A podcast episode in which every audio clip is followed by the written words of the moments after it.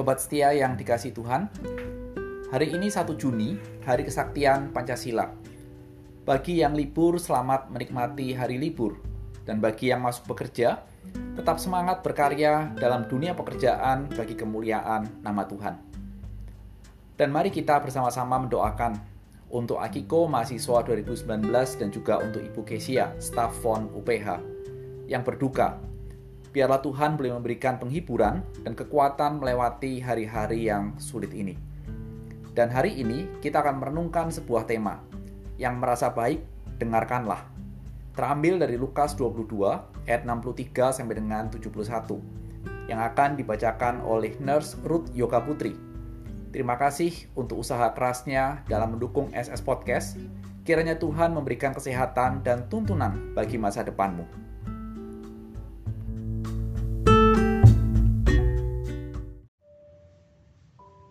Lukas pasal 22 ayat 63 sampai 71. Yesus di hadapan mahkamah agama.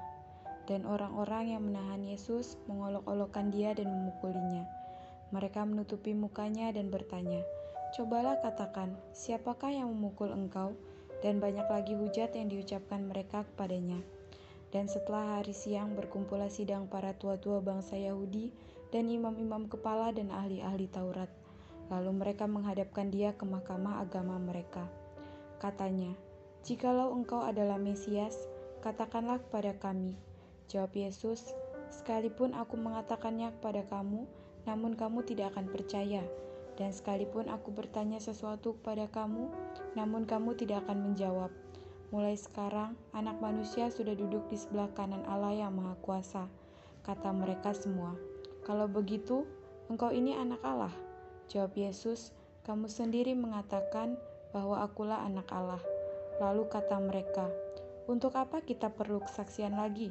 Kita ini telah mendengarnya dari mulutnya sendiri." Demikianlah firman Tuhan.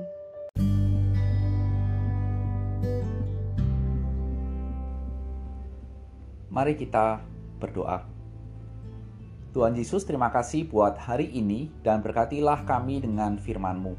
Demi Kristus, amin. Sobat setia, pernahkah kita merasakan kesedihan atau kemarahan karena orang yang kita cintai atau sayangi diolok-olok atau diejek oleh orang lain? Siapa pernah mengalami hal itu? Dan apa yang ingin kita lakukan terhadap orang yang mengejek itu?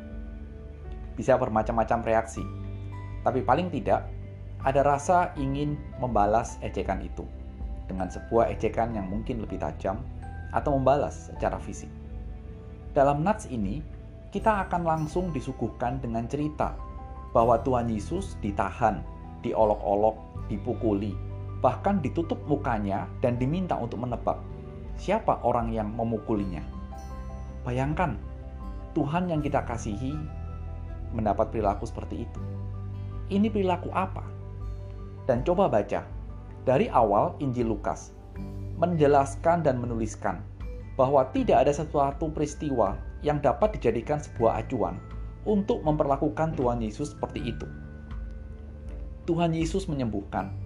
Tuhan Yesus mengusir orang yang mengusir setan dari orang yang kerasukan. Orang buta melihat, orang kusta berjalan, orang lumpuh berjalan, yang sakit dia sembuhkan. Lukas mencatat bahwa Tuhan Yesus juga adalah anak Allah. Yang tentunya dia maha tahu sehingga ketika seseorang meminta Tuhan Yesus untuk menebak siapa yang memukulnya, ini benar-benar suatu kekurang ajaran yang tidak dapat diterima. Inilah orang-orang yang tidak punya dasar untuk membenci Tuhan Yesus. Kelakuan mereka menunjukkan kebrutalan dan kebencian mereka kepada Tuhan Yesus, meskipun mereka tidak mempunyai alasannya. Namun, yang dialami oleh Tuhan Yesus benar-benar menggenapi apa yang dituliskan dalam Yohanes 15 ayat 25. Tetapi firman yang ada tertulis dalam kitab Taurat, mereka bilang harus digenapi. Mereka membenci aku tanpa alasan. Bahasa saya adalah pokoknya tidak suka. Kalau ditanya alasannya apa, pokoknya tidak suka. Susah kalau orang sudah seperti itu. Pokoknya, pokoknya ya tidak suka. Dan ayat 65, penderitaan Tuhan Yesus berlanjut banyak hujat yang diucapkan oleh mereka. Perhatikan, brutal, kasar, inilah yang kata-kata saya pilih untuk menggambarkan kondisi yang Kristus terima pada saat itu. Kebrutalan mereka menjadi sebuah gambaran bahwa inilah fakta akibat manusia jatuh dalam dosa, rusak total. Dan dalam menghadapi peristiwa itu, apa yang menjadi respon dari Tuhan Yesus? Apa sobat setia respon dari Tuhan Yesus? Benar, tidak ada sepatah kata pun dari Tuhan Yesus yang Tuhan ucapkan untuk meresponi kebrutalan mereka. Dan kalau kita bertanya, mengapa Tuhan Yesus tidak mendidik atau mengajar mereka seperti Tuhan mengajar orang banyak dalam khotbah di bukit? Bila kita bertanya seperti itu, paling tidak Yeremia 17 ayat 9 bisa mendapat memberikan kepada kita sebuah jawaban. Betapa liciknya, hati lebih licik daripada segala sesuatu. Hatinya sudah membatu, siapa yang dapat mengetahuinya? Itulah gambaran dari manusia berdosa, bahwa hati manusia itu, orang-orang berdosa itu licik. Dan liciknya hati manusia membawa manusia kepada satu titik untuk memilih apa yang ingin mereka dengarkan dan apa yang ingin mereka tidak dengarkan. Itulah yang kita bisa lihat penjelasan dari Yeremia. Meskipun sebuah kebenaran disampaikan, tetapi bila filter telinganya adalah hati yang licik, percuma. Semua kalimat yang diucapkan di Tuhan Yesus tidak akan didengarnya. Semua akan diabaikan. Dan bila kita bertanya, Tuhan bisa tidak sih mengirimkan bala tentara surga untuk menghentikan kebrutalan yang dilakukan oleh orang-orang itu, atau bahkan langsung mengalahkan mereka? Rasanya tidak susah kalau Tuhan memerintahkan malaikat melakukan itu semua. Tapi mengapa hal itu tidak dilakukan? Ibrani 12 ayat yang kedua memberikan sebuah jawaban bagi kita. Bahwa marilah kita melakukan dengan mata yang tertuju kepada Yesus, yang memimpin kita dalam iman dan yang membawa iman kita kepada kesempurnaan, yang dengan mengabaikan kehinaan tekun memikul salib ganti sukacita yang disediakan bagi dia yang sekarang duduk di sebelah kanan tahta Allah. Perhatikan kalimat ini. Kristus memikul dengan tekun, mengabaikan kehinaan tekun memikul salib. Sobat setia, saat itu Tuhan Yesus dengan tekun melewati penderitaan, kesengsaraan untuk menggenapi rencana Allah yang harus digenapi.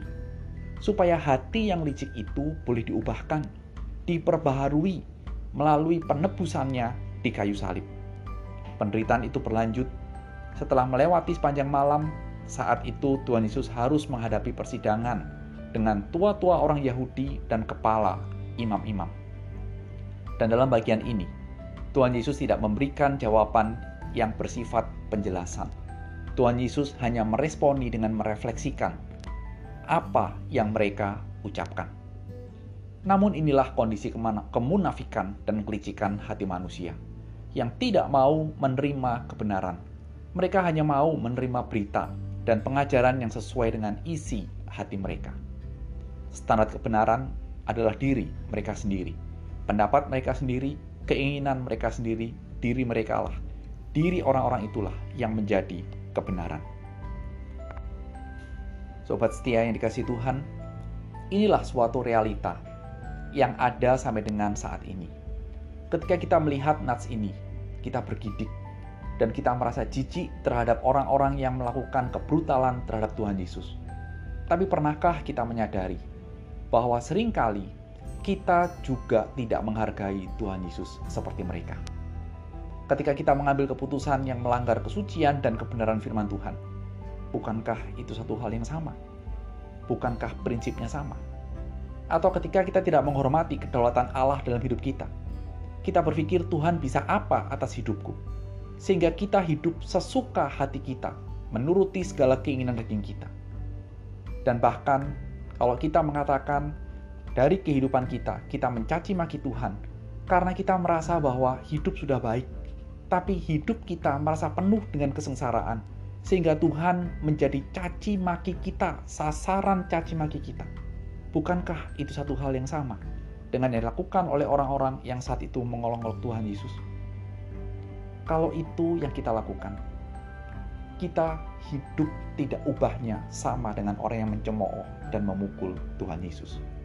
Dan itulah dosamu dan dosaku yang bersumber dari hati kita dan kehadiran Kristus dalam dunia untuk membersihkan dosa-dosa kita melalui kematiannya di kayu salib. Sehingga hati kita dibersihkan, disucikan.